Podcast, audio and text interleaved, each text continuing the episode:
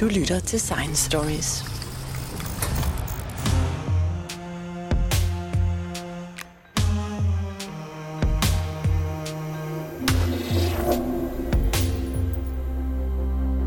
Midt under covid-19-pandemiens første bølge i 2020 lavede jeg sammen med professor Anders Fomsgaard en serie på fem podcast om, hvad vi ved om virus generelt. Og det er ikke så lidt, der er værd at vide. Men covid-19-pandemien tog ikke uden grund meget af opmærksomheden dengang. Nu er pandemien efterhånden kommet lidt på afstand, og vi synes, det vil være passende at sende serien om virus igen hen over sommeren. Og så trække linjen helt op til i dag med det aller sidste nyt om, hvad vi har lært, og hvad vi ellers kan gøre for at beskytte os mod den næste virusinfektion eller pandemi. Jeg hedder Jens Deget, og dette er Science Stories. Du lytter til Science Stories.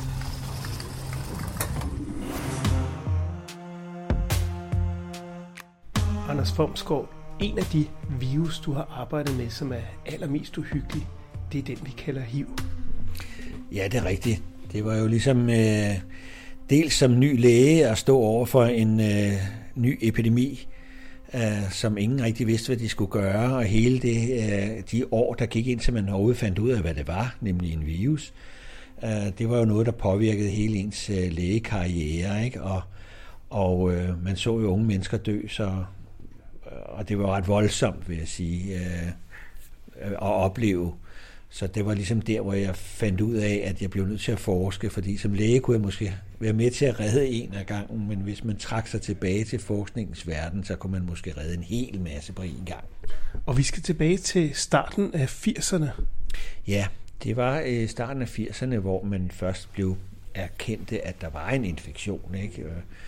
En publikation fra USA omkring nogle homoseksuelle, som har fået nogle lungebetændelser med nogle bakterier, som vi alle sammen lever fredeligt med altså man kunne ikke forstå, hvorfor det skulle gå så voldsomt ud over dem. Nogle fik så senere hen også nogle publikationer om cancer til hudcancer tilfælde, Kaposi-sarkom og så videre.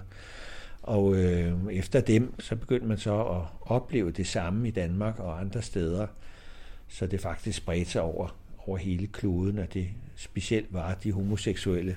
Selvom der, hvor viruser i virkeligheden kommer fra Afrika, er der jo lige så mange mænd og kvinder, og ikke noget med homoseksualitet at gøre, men det var den måde, den spredte sig i den vestlige verden lige der omkring start 80'erne.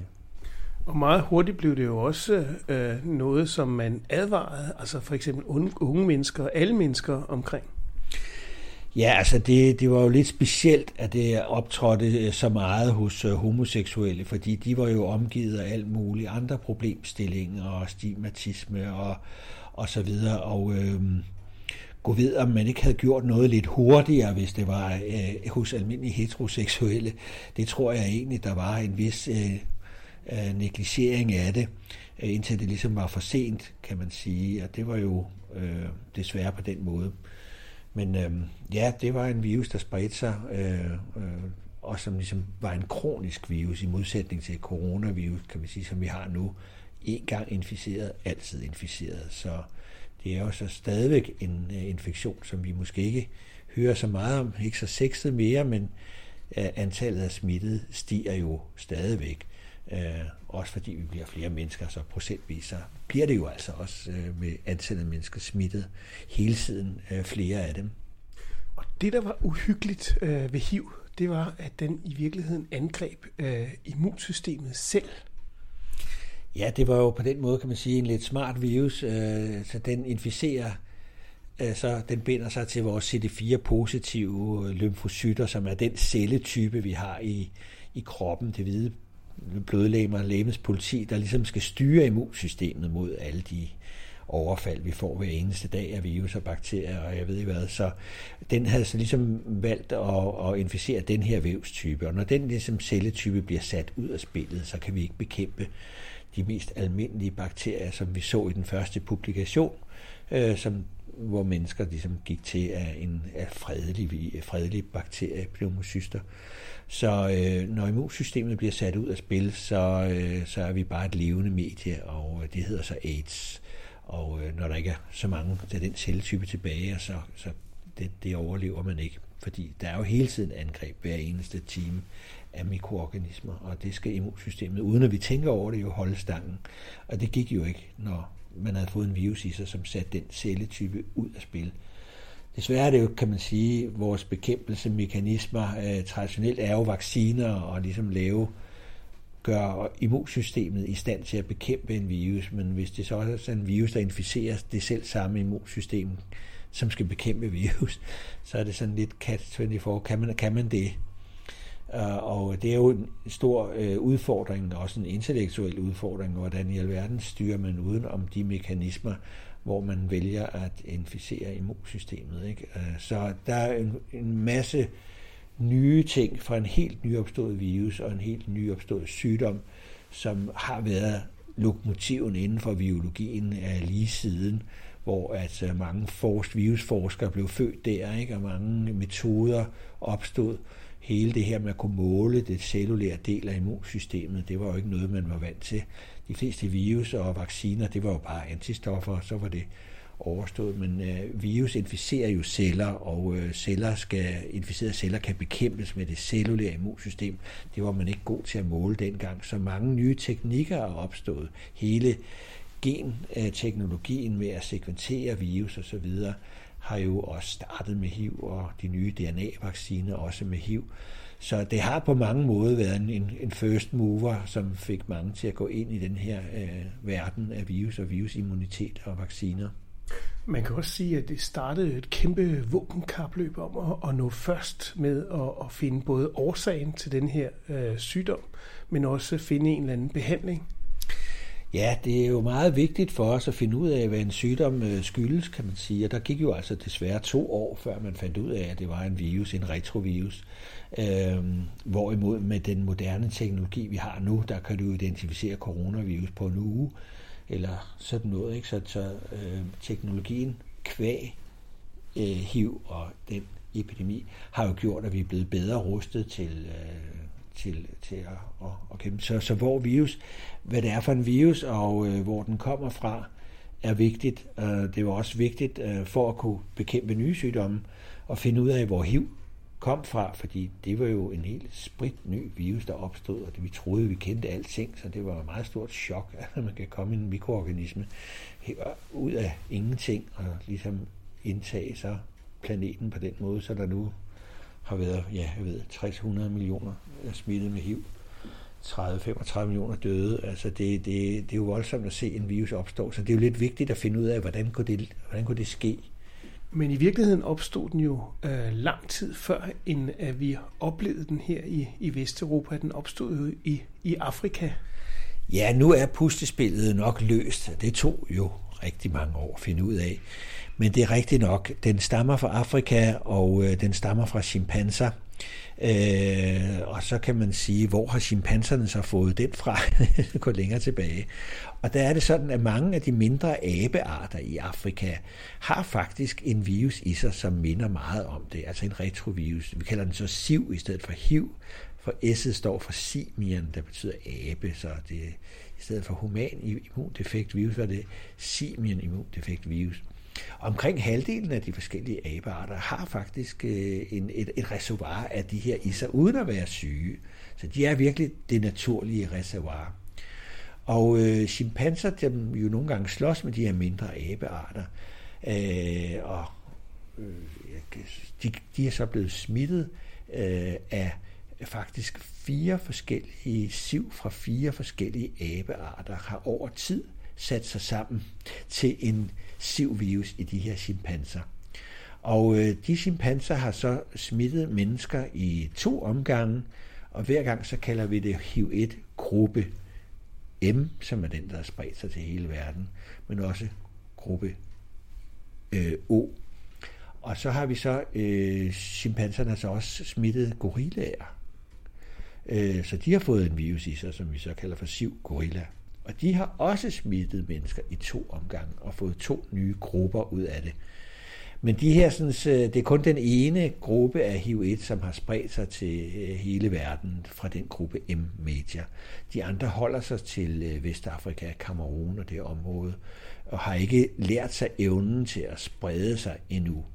Men det er alligevel interessant, at man har fået det fra chimpanser og, og, øh, og gorillaer og i fire omgange. Øh, og man har også i Vestafrika en HIV-2, som øh, skyldes en abeart, der hedder Sydemangabi, og som jo lever i samme område, altså lidt en plage, den øh, ødelægger deres marker og så videre, så de skyder og spiser dem og sådan noget. Den har så otte gange inficeret mennesker til otte forskellige grupper af HIV-2, som så heldigvis også holder sig til øh, Vestafrika. Det vil sige, at den er begyndt at sprede sig til indtil nu, den her HIV-2, som egentlig er ret forskellig fra HIV-1. Så der er altså et reservoir dernede øh, af dyrenes virus, øh, som er ligesom der, de nye virus kommer fra. Og igen, ligesom øh, dyremarkederne i Kina, så skal der ligesom være en spredningssituation til stede. Og den øh, situation opstod i Kinshasa der i, i lige omkring 60'erne, 59-60'erne, hvor selve virus fra æb, chimpanser til mennesker skete omkring 1902 til 1920 så er der skulle være, og dengang var der mange flere chimpanser, og det, det var jo en hyppig fortælse, men i Kinshasa, som hovedstaden i Kongo, der var ligesom en vest, vesterificering af, man, af, af den hovedstad. Man ødelagde ligesom alle de afrikanske sæder og skikke og indførte en masse vestlige øh, knudepunkter der.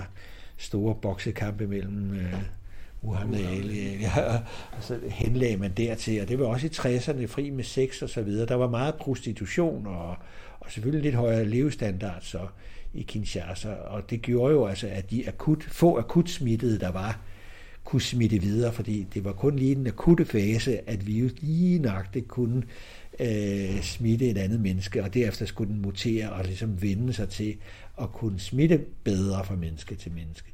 Men de betingelser af mange akut smittede var altså til stede i den her vestrificering af, klub, altså urbanisering der i Kinshasa. Og så øh, var der mange altså fra Haiti, der boede i den by også, og man byggede så øh, Kinshasa Highway ud til kysterne, og øh, på den måde kunne det så sprede sig, kan man sige. Så det var øh, en flertrins raket, der gik op i en perfect virusstorm, som så øh, fik nogen af de her virusgruppe M til at slippe ud af Afrika, om du vil, og så sprede sig øh, seksuelt. Første omgang øh, homoseksuelle, fordi der var meget promiskuitet i den der gruppe af mennesker, og, og øh, der skulle egentlig ret mange samlejer til for at at det, den smitte kunne ske. Altså, så, så god til at smitte var den altså. Er den, er den heller ikke. Så der skulle ligesom noget til, eller intravenøs øh, deling af kanyler og så videre. Ikke? Så, så der skal ligesom noget til at smitte, så den er ikke så god til det. Men de betingelser var jo så til stede der. Øh, og øh, så kender vi den som, som HIV-AIDS, og øh, den er jo altså langt de fleste smittet bor jo stadigvæk i Afrika, omkring 70-80 procent. Det er navnlig den sydlige del af Afrika. Så øh, den har altså opstået på den måde, og det var noget et pustespil at finde frem til, men reservoiret igen kommer fra dyr, og den måde, vi kommer tæt på den på, med både vores tæt på dyrene og vores urbanisering og vores globalisering, som så siden spreder den. Øh, det er sådan en god recept på at få nye virus. Men det der også var uh, usædvanligt med HIV-virusen, og som kom helt bag på, uh, på forskerne dengang, det var jo så, at det var en, en virus, der kunne noget ganske særligt. Den kunne faktisk uh, gå den, den omvendte vej i, uh, i, i det genetiske system. Den kunne, den kunne ud fra noget RNA lave DNA. Ja, det, det er derfor, vi kalder den retrovirus. Det er ikke fordi, det er en meget gammel virus, men det er fordi retro den går imod den gængse strøm af, at man har en vores kromosomer inde i vores cellekerner af DNA, og når vi så skal have lavet noget protein eller et eller andet, så får vi så lavet et lille stykke kopi af det her uh, gen, som sidder i vores kromosomer, uh, og med en lille stump messenger-RNA, øh, kopi, kan den så komme ud af cellen og ud i cytoplasmet, og så få blive oversat til protein.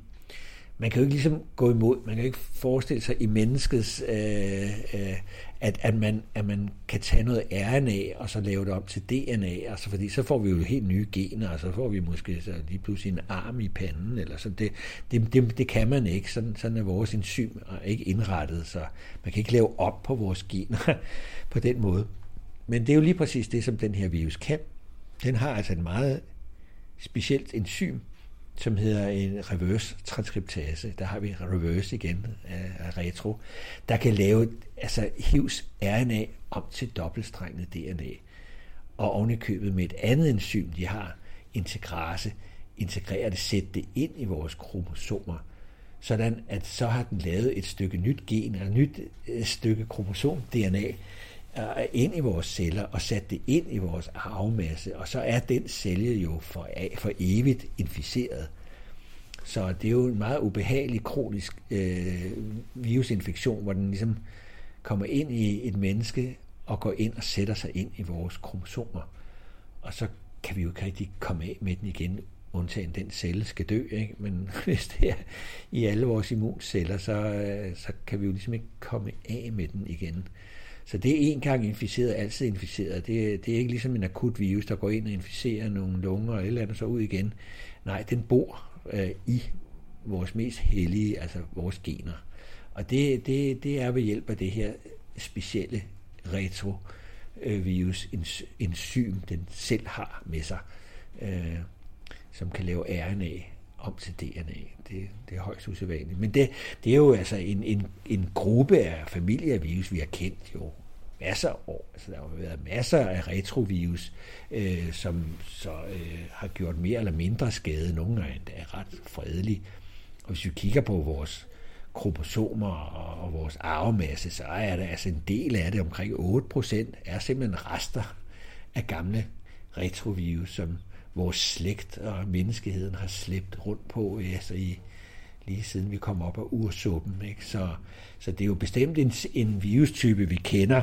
Øh, det, det, her kom der så bare en ny utilpasset en i familien, som, øh, som ødelagde immunsystemet. Det har de andre retrovirus jo godt nok ikke gjort. Øh, så, så vi kender øh, til familien, men den havde fået et nyt vemmeligt medlem.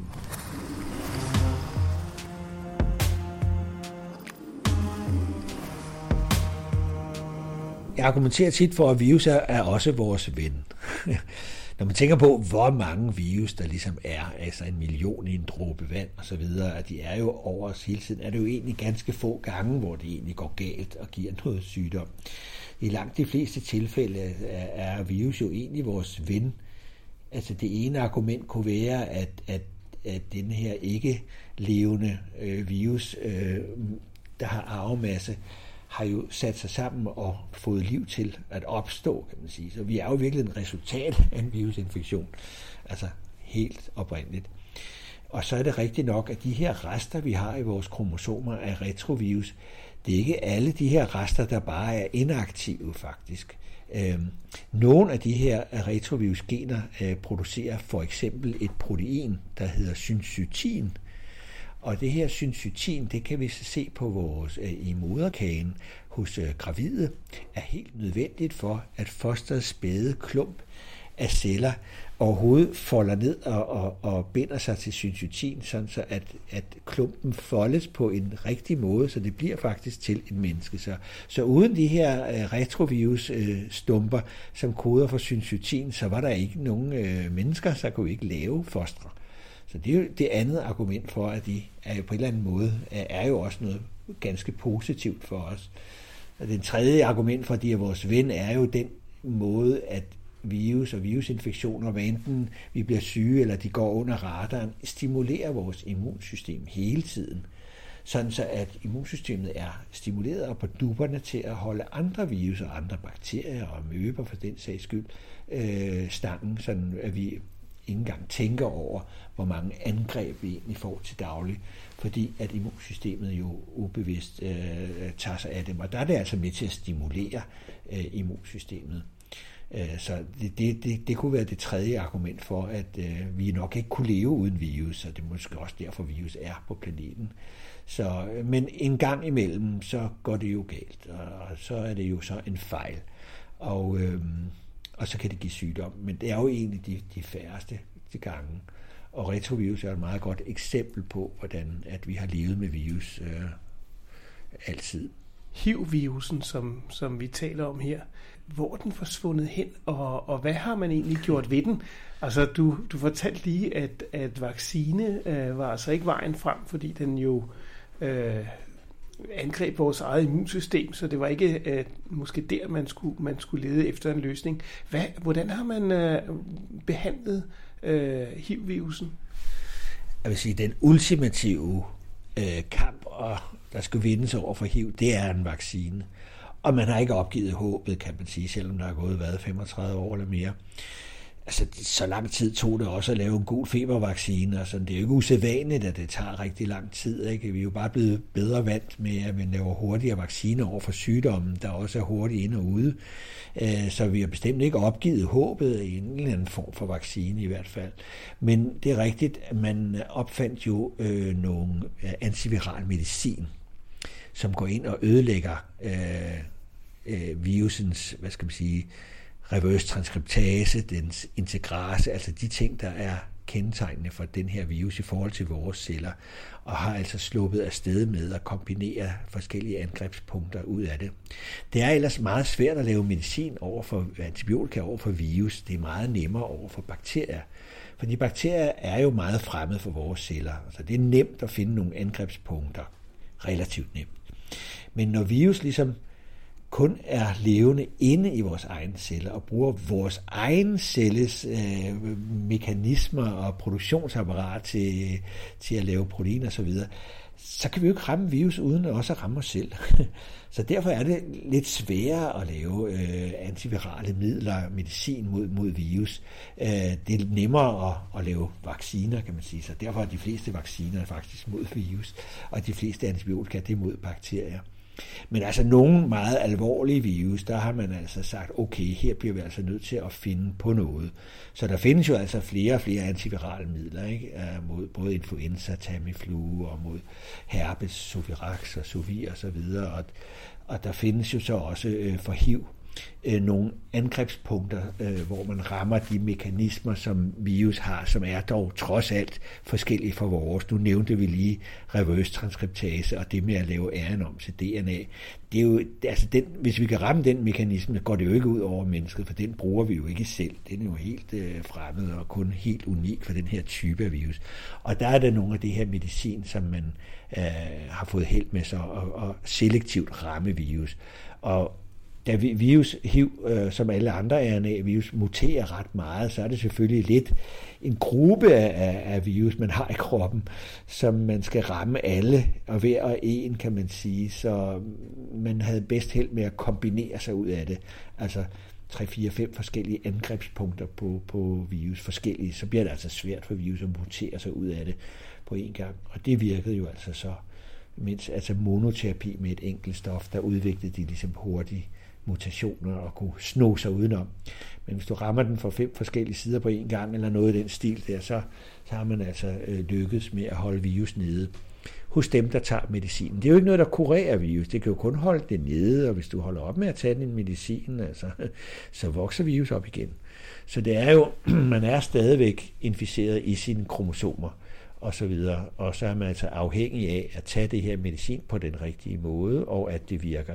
Og det gør det heldigvis i Danmark, hvor vi har et godt sundhedssystem, som er, er, er fantastiske til at styre hele den her behandling. Øh, anderledes øh, er det jo i Afrika, hvor man ikke helt har det lige så meget held med det. Altså, vi har arbejdet i Senegal, hvor nogle af børnenes virus er, altså, er resistente over for noget af det medicin. Helt op til 60 procent af deres virus øh, er resistente. Måske fordi man ikke behandler dem lige så øh, intensivt som herhjemme. Ikke? Det er tit nogle andre, der passer børnene, mens mor og far er i, i marken og arbejder et andet sted, og de har så ikke måske behandlet dem så intensivt det var. Og hvis man har sådan nogle ufrivillige ophold i sin medicinering, så kan altså virus gro op igen og ligesom øh, have udviklet øh, mere eller mindre resistens. Så altså, øh, vi har styr på det i den vestlige verden, langt de fleste, i hvert fald i Danmark. Men hvis vi går til der, hvor de fleste bor med virus, altså i Sydafrika, så har vi altså mindre held med det. Og det kan være, det er ikke fordi medicinen måske ikke virker, det kan også være fordi den bliver ikke taget på den rigtige måde, eller det er stigmatiserende overhovedet at tage medicinen, og, og der er en frygtelig masse kulturelle og praktiske ting indeover, som gør, at man desværre ikke rigtig har skovlen under det i de områder øh, endnu. Så vi har både styr på den og ikke styr på den ved hjælp af medicinsk behandling, men vi har altså ikke udryddet den. Og det vil sige, at, at man måske i virkeligheden har flere inficerede end nogensinde, øh, men, men på grund af medicinen, så øh, holder man det nede, og så, så, så dør de ikke af det længere. Ja, altså lidt i den stil. Man kan i hvert fald se, at øh, det er meget svært at finde frem til de nye inficerede, selvom man prøver at screene og teste, og man har prøvet nogle projekter, hvor man er virkelig aggressiv med at prøve at opspore øh, dem, som, øh, som ikke ved, de er inficeret, øh, fordi det er måske dem, der driver epidemien. Og det har vist sig meget vanskeligt, altså praktisk at finde. Så det er en infektion, som stadigvæk øh, øh, spreder sig, og øh, man kan så symptomatisk, om du vil, øh, holde virus nede med medicin, når du opdager det. Og hvis du så er god til at tage medicinen, og der kommer også bedre og bedre kombinationsbehandlinger, hvor man kun skal spise én tablet. Måske kan vi gå over til en sprøjte en gang om måneden, eller hver tredje måned. Så, så det bliver hele tiden raffineret, og mindre og mindre og færre bivirkninger. Så, øh, så dem, der har ved, at de er inficeret, og som har øh, et, et sygehussystem, som kan backe op og give den rigtige medicin, der er det ikke det store problem. Men ja, det er jo en virus, der stadigvæk spreder sig i nogle områder af verden. Men hvad med dem, som er resistente? Øh, udgør de en fare? Vil de, vil de kunne øh, begynde at inficere folk, og kan det begynde at sprede sig igen med, med multiresistent HIV-virus? Ja, det er jo sådan nogle skrækscenarier, man, man godt kan filosofere over. Det er så ikke sket, kan man sige, endnu. Øh, og det er ikke noget, vi, vi sådan tænker så meget over det, men hvis man går til Afrika og deres hverdag, så er det jo selvfølgelig helt, et helt reelt problem. Øh, jeg tror ikke, det er noget, man, man, man sådan bekymrer sig meget om, den spredning. Men ja, altså i princippet har det jo ret, når HIV kan sprede sig ud af Afrika til hele planeten, så kan en resistent HIV det måske også, eller en af de nye HIV-former. Men øh, det har vi så ikke heldigvis ikke set endnu. Øh, så der skal nok stadigvæk gøres en indsats for at finde en vaccine, som vil være ulige nemmere at, øh, at distribuere i Afrika. Og lige når vi taler om vaccine, så er det jo faktisk et område, du selv har arbejdet med, altså med øh, at udvikle vaccine mod HIV. Hvordan går det med det? ja, øh, det går sådan, at øh, der er ikke rigtig opfundet en vaccine, som er godkendt til at ligesom kunne hindre infektionen. Så øh, min filosofi var mere at lave en vaccine, hvis der dog man kan kalde det det, som kan gøre, man kan ind og vaccinere folk, der allerede er smittet for at øh, gøre deres immunsystem i stand til at holde virus nede, altså ikke, ikke udrydde hver en rest af virus, øh, men en slags behandling, om du vil, hvor man satser på at immunisere det cellulære immunsystem frem for antistoffer. Normalt er en vaccine jo altid baseret mere eller mindre på antistoffer, der skal hindre infektion. Øh, og den opgav jeg ret tidligt. Men hvis man kunne aktivere de øh, immuncellerne til at få øje på nogle mere konserverede dele af virus, øh, og så øh, kunne man forestille sig, at det kunne hjælpe immunsystemet til i det mindste at holde virus øh, nede til mindre mængder, sådan at man lever længere øh, og, og heller ikke smitter.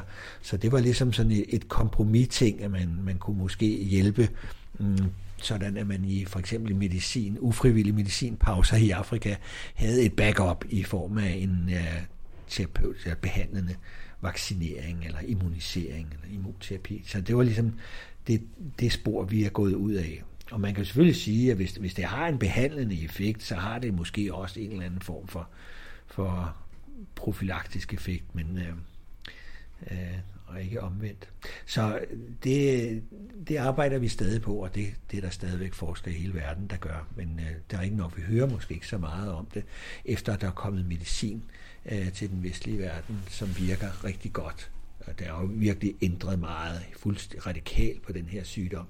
Og så har man ikke sådan måske øh, så, så kæmpestor fokus på det, øh, øh, fordi vi har jo noget, der virker.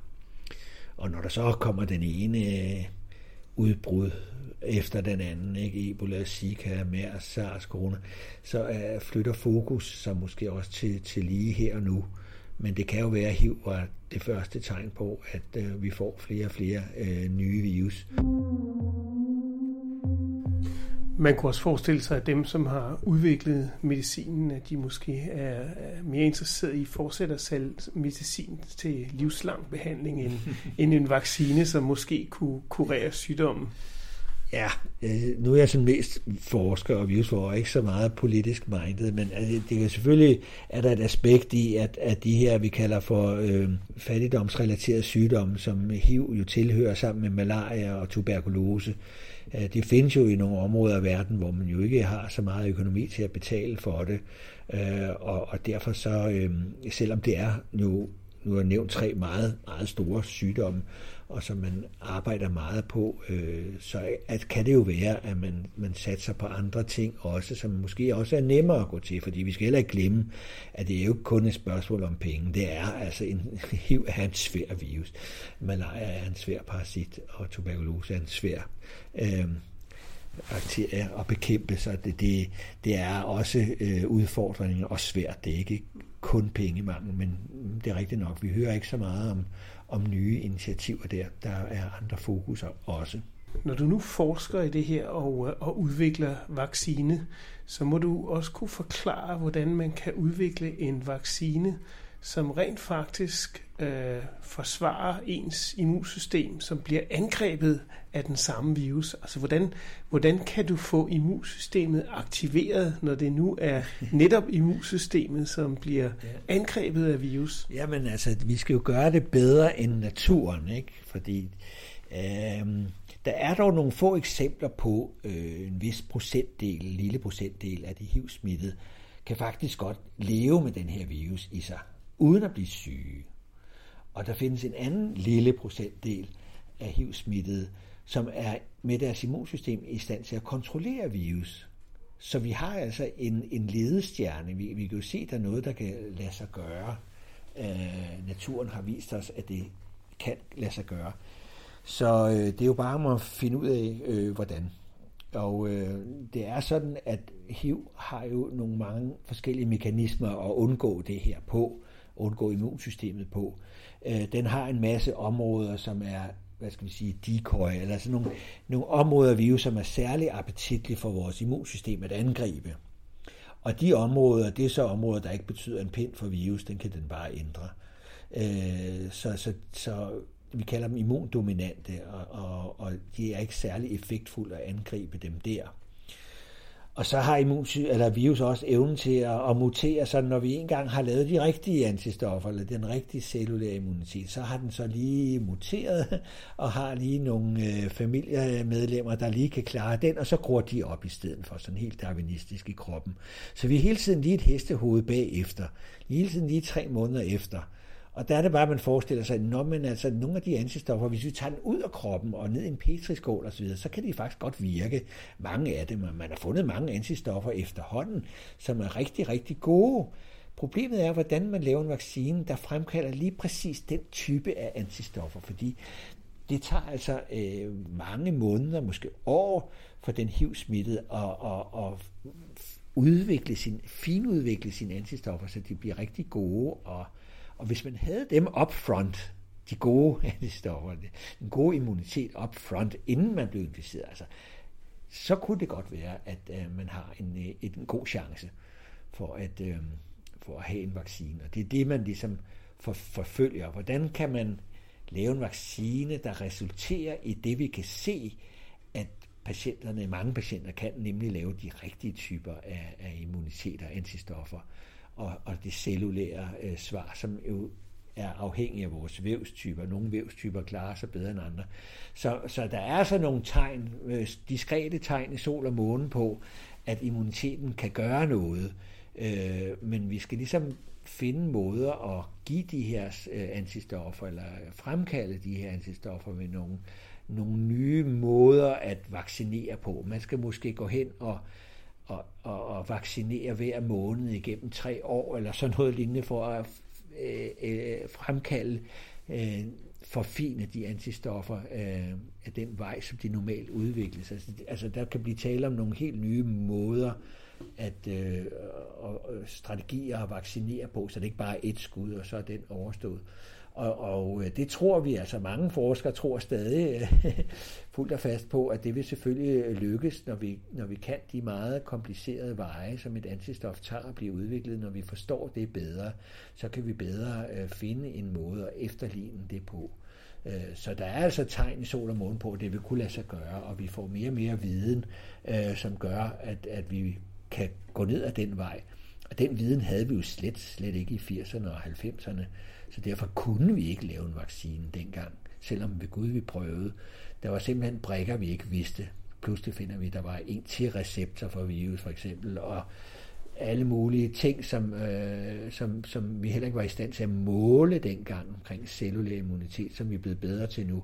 Så vi bliver bedre og bedre rustet til at forstå den her organisme, og det er først nu, at vi egentlig er i stand til at forstå så meget, at vi vil kunne lave en vaccine. Det kan godt være, at den ikke bliver givet ligesom traditionelt, som vi, som vi plejer, men øh, det er der altså stor øh, håb for, at det vil, det vil lykkes.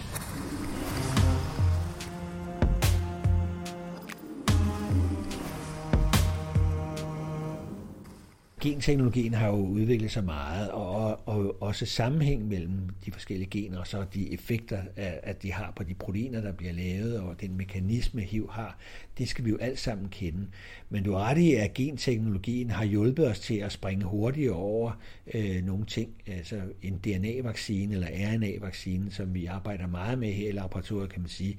Det er jo også en måde at springe over, hvor gæret er lavest, hvor vi i stedet for at, at fremstille et protein fra virus, så øh, giver vi bare sprøjter vi genet ind fra det protein, og så kan cellerne i armen hos dig, der er blevet vaccineret, mm. selv producere vaccinen. Øh, med nogle af de fordele, det har. Øh, og det kan jo også noget, man, man bruger jo øh, til at bekæmpe Ebola for eksempel. Det var jo også en slags DNA-vaccine. Det har været lidt svært med DNA-vaccinerne i starten, da man blev lavet. De var ligesom fine i, mod alle mulige virus i alle mulige dyrearter, men når man kom til aber og mennesker, var effekten knap så god. Det har man så fået lidt mere styr på nu. Og en af de måder, man har fået styr på, det er ved at tage sine vaccinegener, øh, som man vil lave, og så bygge den ind som en trojansk hest i en, en anden virus, fredelig virus, og så lade den virus øh, fise rundt i kroppen og vaccinere vores celler. Det er jo det, virus gør hele tiden, sprøjter DNA og RNA ind i vores celler. Det er sådan en mere effektiv måde og, og, og få spredt sine vaccinegener på. Og det kan man altså ved genteknologi øh, bygge ind i en ny virus. Øh, så de der nye moderne teknologier, dels at finde frem til, hvad det er, vi skal vaccinere med, men så også indgive dem på nogle opfindsomme metoder, øh, som man gjorde med Ebola, som var den første øh, vaccinetype af sin art, viste sig at være næsten 100% effektiv. Så den her teknologi øh, at kombinere øh, Øh, genteknologien med øh, måden at levere generne på og udnytte andre virus. Sådan. Det, det har jo givet nogle helt nye vaccine øh, døre, der har åbnet sig, som vi vil jo sikkert se meget flere til i, i fremtiden. Men hvad er perspektivet? Hvor hurtigt går det? Hvor lang tid vil det tage øh, at udvikle en, en effektiv vaccine? Nu har vi jo levet med, med HIV i omkring 40 år. Så øh, hvor lang tid vil det tage, før end øh, vi har en vaccine, som, som rent faktisk virker? Ja, det, det er et dejligt klassisk spørgsmål, og, og fejlen var jo at prøve at, at gætte. Og øh, der spåede man jo der i starten der i 80-90'erne om, at jamen, vi kan have en vaccine på to år og så videre. Ikke? Altså, det, det, det kom jo så ikke. Så ja, jeg, vil, jeg, vil ikke, jeg vil ikke gætte. Øh, jeg vil sige, jeg, jeg ved ikke, om det bliver i min levetid. Men øh, at man på et tidspunkt kan finde i hvert fald i første generation af noget, der har en vis effekt på visse aspekter af det. Det behøver ikke at være én vaccine. Du kan have en vaccine, til, som er behandlende, for eksempel til, til et sted på planeten, hvor de har nogle vævstyper og hivstammer, og en anden et andet sted. Du kan kombinere vacciner, det skal det være til, til børn, til, til behandling, til forebyggelse. Jeg, jeg er sikker på, at man vil finde mange forskellige typer af HIV-vacciner til forskellige situationer. Men altså, hvis man kan udnytte medicinsk behandling, eventuelt i en kombination, kan man sige, så er det jo også nogle nye måder at vaccinere på og udnytte at holde HIV hen, mens man vaccinerer osv. Så, videre. så øh, alle mulige ingredienser er til stede til, men det er jo en meget kompliceret at finde frem til de rigtige kombinationer og de rigtige ting. Det tager rigtig lang tid. Og øh, hvor hurtigt det går, det skal jeg ikke kunne sige. Men der er ikke noget håb for, at man for eksempel kan fjerne sygdommen, altså fjerne øh, virus, øh, ligesom altså man har kunnet gøre med, med, med kopper. Der er slet ikke nogen behandling, som øh, man har udsigt til vil kunne helt øh, udrydde HIV. Nej, altså man brugte nogle af de medicinprincipper øh, over for HIV, over for en anden virus, der egentlig minder lidt om den, som er en RNA-virus, og som også er sådan en sværm af lidt forskellige virus, nemlig hepatitis C. Der brugte man noget samme principper at kombinere forskellige angrebspunkter med proteasehæmmer osv. Og det man så der, det var, at når man ligesom fik hæmmet virus tilstrækkeligt meget, så forsvandt virus også.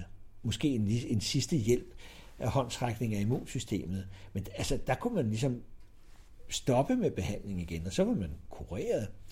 Og øh, det er jo på mange måder en virus, der minder meget om HIV, bortset fra at HIV bygger sig ind i vores kromosomer, kan man sige. Det gør hepatitis C ikke, og det kan jo være den afgørende forskel. Men prøv at finde ud af, hvad er hvad skulle der til den sidste rest i at så udrydde det her? Det kunne være interessant at finde ud af, hvis man skulle forfølge den model med at forsøge at medicinere sig ud af det på en eller anden måde. Desværre er, der ved vi ikke helt nok om, hvor HIV gemmer sig. Vi, ved, vi tager jo altid blodprøver, det er så dejligt nemt. Men hvis at der er HIV-reservoirer, der gemmer sig i, i vævene, i tarmen, i, i hjernen, hvor immunsystemet ikke kan komme til, og andre steder i knoglemarv og så videre, så kan det jo være meget svært lige at få udryddet den sidste øh, lille rest fordi at øh, en inficeret celle, så er alt afkommet fra den celle jo også inficeret. Så det gør man et stort nummer ud af for tiden faktisk, at forsøge at gå ned ad den der gade, du siger det, og finde, hvor er de her reservoirceller, kan vi på en eller anden måde øh, komme derhen og, og, og ondulere dem, måske med noget genterapi, måske kombineret med noget immunitet, øh, men det, vi er der ikke endnu. Det er en meget kompliceret virus at styre med, og reservoirceller, vi ikke kender. Øh, så jo mere vi ved, jo mere rustet bliver vi til at lave en mod så stor en voldsom kronisk infektion, som HIV er.